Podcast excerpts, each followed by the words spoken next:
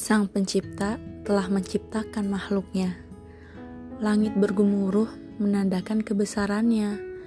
Berbanggalah karena orang-orang di sekitarmu telah meyakinimu.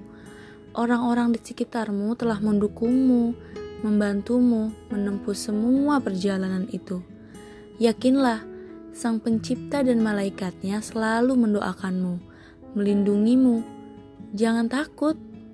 Terkadang memang ada beberapa hal kecil yang ternyata membawa keberkahan, tapi kita tidak pernah sadar akan hal itu. Jangan menganggap remeh orang-orang di sekitarmu. Bahkan kamu tidak pernah mau mencari tahu tentang orang-orang di sekitarmu, bukan? Meremehkan tanpa melihatnya. Wah, Hebat sekali kawan.